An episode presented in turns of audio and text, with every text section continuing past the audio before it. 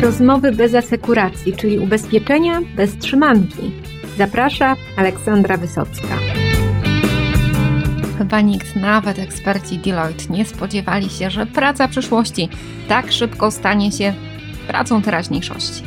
Ale pandemia przycisnęła przycisk szybkiego przewijania i zakłady ubezpieczeń musiały wprowadzić szereg zmian do tego, jak funkcjonują. O tym opowie Michael Wodzicki, partner Deloitte odpowiedzialny za strategię, analitykę oraz fuzję i przejęcia. Porozmawiamy o tym, co się dzieje e, w świecie pracy, tak się skupiając może na tej korporacyjnej jego części. Zakłady ubezpieczeń w ciągu ostatniego roku z kawałkiem no, przeszły bardzo dużą zmianę. Centrale firm w Warszawie w każdym razie tak jest, wciąż są właściwie puste. No i moje pytanie do Pana, czy to już się kończy jakaś taki wyjątkowy czas i wszystko wróci do poprzedniego trybu? Czy ta zmiana w jakiejś formie z nami już zostanie na zawsze? Jak Pan to ocenia? Dzień dobry i bardzo dziękuję za, za zapytanie. I myślę, że jest bardzo mało prawdopodobne, że wrócimy do tego, co było. Według mnie, według naszych analiz Deloitte, wszystko wskazuje, że, że, że świat się zmienił, że myśmy się zmienili podczas tej pandemii. I różne wątki są, i oczywiście jeden to jest, jak my pracujemy, tak? I ludzie się przyzwyczaili do tego, że można de facto funkcjonować bardzo skutecznie, efektywnie w takim modelu rozproszonym, gdzie pracownicy potrafią wykonać swoje zadanie nie będąc w biurze. I to ma dla pracowników wiele korzyści. Oczywiście takie, które od razu wychodzą, nie tracimy czasu w samochodzie czy w transporcie do pracy i pewna elastyczność, e, jeśli chodzi o nie wiem, komunikowanie się z rodziną i, i ułożenie te sprawy. I te jakby wygody, które są związane z, z pracy zdalnej, ludzie nie będą chcieli to oddać tak, e, tak łatwo. I myślę, że idziemy bardzo mocno i nie tylko w Polsce, ale, ale na świecie w kierunku pracy, powiedziałbym, hybrydowej, gdzie część czasu będziemy mogli swobodnie pracować e, z domu i od czasu do czasu wtedy pracować w biurze bo jeszcze raz podkreślam, wszystko udowodniło, że da się i tak jak powiedziałam, są plusy z tym związane. Jeżeli przyjrzymy się tej e, stronie zarządczej, no to też zmiana jest duża, bo no, taką codziennością w zakładach ubezpieczeń, ale też w innych korporacjach były spotkania, były posiedzenia zarządu, był bezpośredni kontakt z podwładnymi menedżerów. No a teraz czy to hybrydowe zarządzanie to jest wyłącznie zmiana formy, w jakiej ta komunikacja przebiega, czy jeszcze jakieś zmiany istotne ubezpieczyciele powinni wziąć pod uwagę, nie wiem, szkoląc e, swoją kadrę, bo na co też powinni uważać? Na pewno jest kilka ciekawych zjawisk, które nastąpiły podczas pandemii, podczas tej pracy zdalnej. I może wymienię kilka. Jedno to jest takie poczucie w wielu firmach, że jak pracujemy zdalnie, trochę ucierpia jakby nasza kultura, kultura pracy i kultura korporacyjna, bo ona jest rozproszona. Może są nowi pracownicy, którzy dołączają do firmy, pewnie część e, odchodzi i strasznie trudno w tej pracy zdalnej, żeby zbudować jednolitą kulturę. Czyli to jest pewna rzecz, która do dużego stopnia wpływa na tą pracę zdalnej co też wpływa na sposób zarządzania, tak? Bo w danej kulturze, czyli jak hierarchia w firmie, jak decyzje są podjęte, to wynikają z tej kultury. I jeśli ona nie jest jakby jednolita w danej korporacji, no to może spowodować e, utrudnienia. Czyli to jest jakby jedno zmartwienie, które często dyrektorzy, nie wiem, osoby w zarządach mają. Drugie takie zjawisko, które widzimy, jest pewny wzrost rotacji pracowników.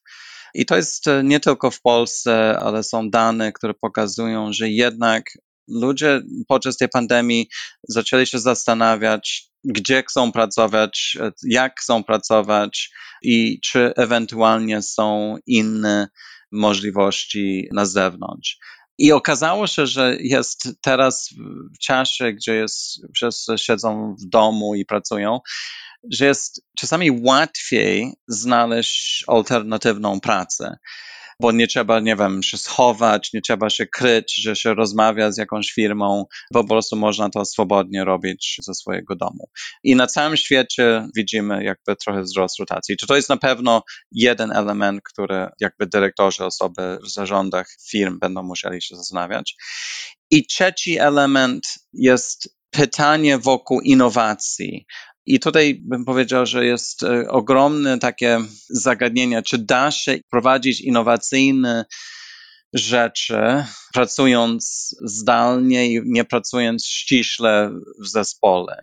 I tutaj, tak jak powiedziałem, jeszcze trochę czasu potrzebujemy, żeby ostatecznie to ocenić, ale pierwsze takie znaki są, że jednak ta praca zdalna jest mniej efektywna, jeśli chodzi o innowacje, o wprowadzenie nowych rzeczy.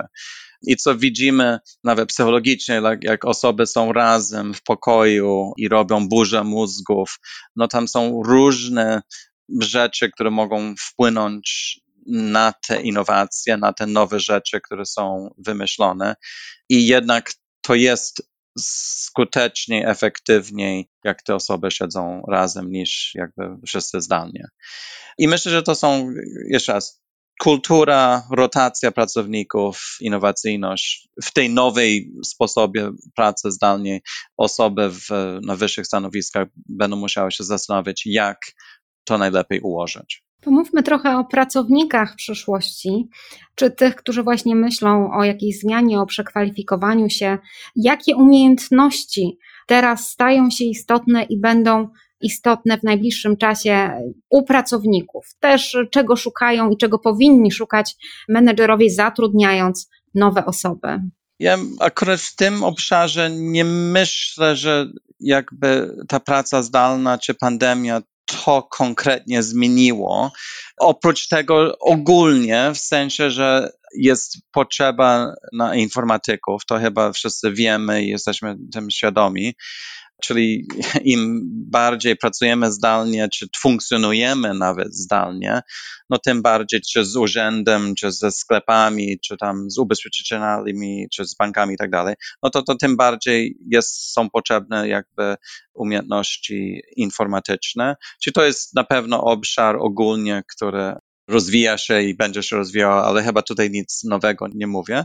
Jeśli chodzi o inne kwalifikacje, Myślę, że nie są jakieś wielkie inne ruchy, które ja osobiście, które my, my widzimy.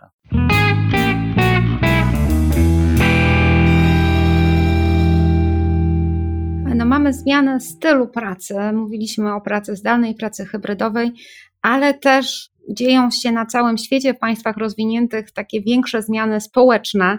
Coraz więcej mówi się o różnorodności w miejscu pracy, mówi się o starzeniu się społeczeństw. I co to oznacza dla ubezpieczycieli jako pracodawców, tak? Czy to jest duża zmiana, czy to jest taka bardziej moda, o czym, że o tym się mówi, ale tak naprawdę nic to nie zmienia, jeżeli chodzi o codzienne zadania i business as usual. Jak to wygląda? Nie, no, no jak najbardziej to ma wpływ na, na nas wszystkich, tak, i też na ubezpieczyciele.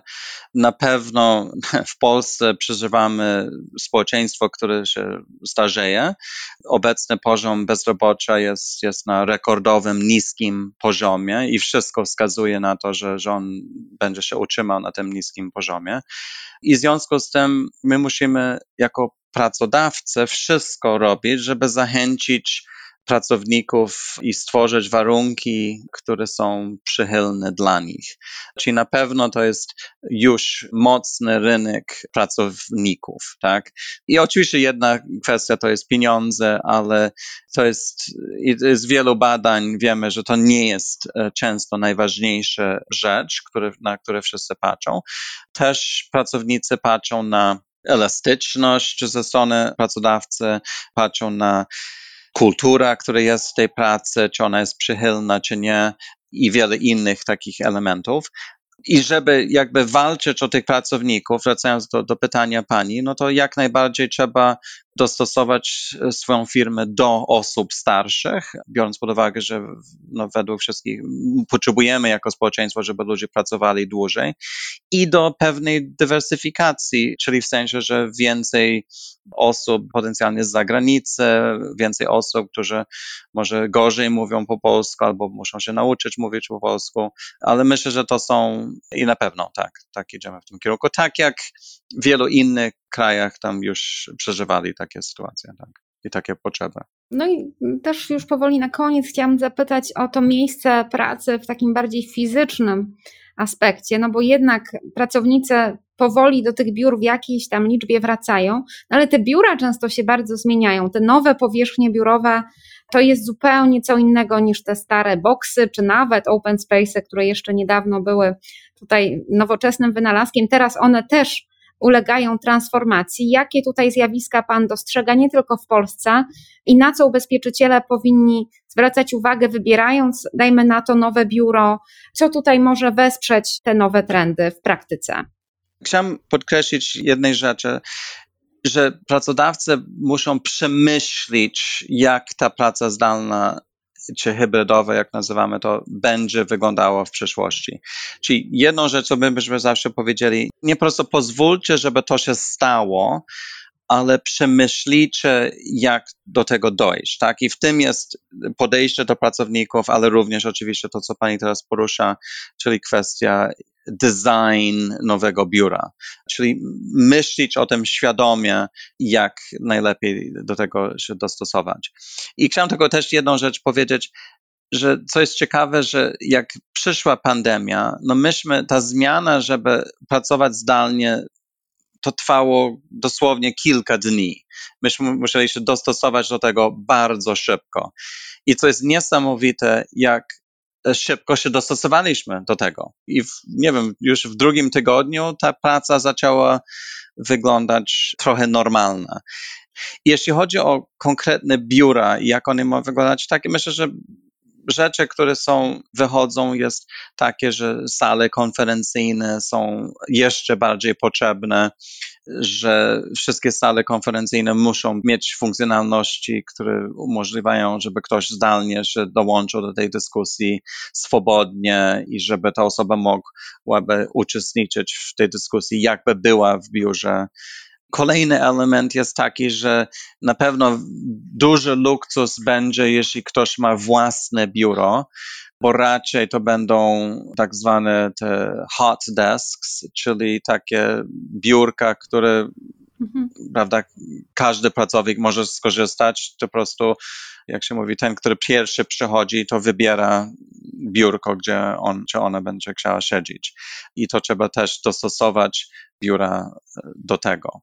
I może taka ostatnia rzecz powiem, że na pewno też widzimy sytuację, że jest część pracowników, którzy nawet podczas pandemii chodzili do biura. I to wcale nie są zawsze osoby starsze. Co my obserwujemy, czasami to są młode osoby. I dlaczego wtedy młode osoby chodziły do pracy fizycznie? Kilka powodów, które z naszych badań wynika, że po pierwsze często oni nie mają warunków w domu, żeby pracować z domu, po prostu jest za małe mieszkanie, nie te warunki. Może mają młode dzieci, które też e, nie umożliwiają ich pracy. I to jest takie trochę ciekawe, że dla młodych, wielu młodych, ta praca w biurze to jest po prostu logistycznie łatwiej i lepiej. Plus jeszcze do tego dodam kwestia socjalna, że w biurze można z ludźmi spotkać nowych ludzi i, i to też jest element. Czyli przez to chcę powiedzieć, że to jest skomplikowane, to wszystko. I w związku z tym bym powiedział, że każda firma, każda firma ubezpieczeniowa powinna mocno przemyśleć, jaki model pracy można stosować najlepiej dla niej. I myślę, że te firmy, które to robią, to najlepiej będą mieli większe możliwości utrzymania pracowników i nawet może zachęcania pracowników do pracy.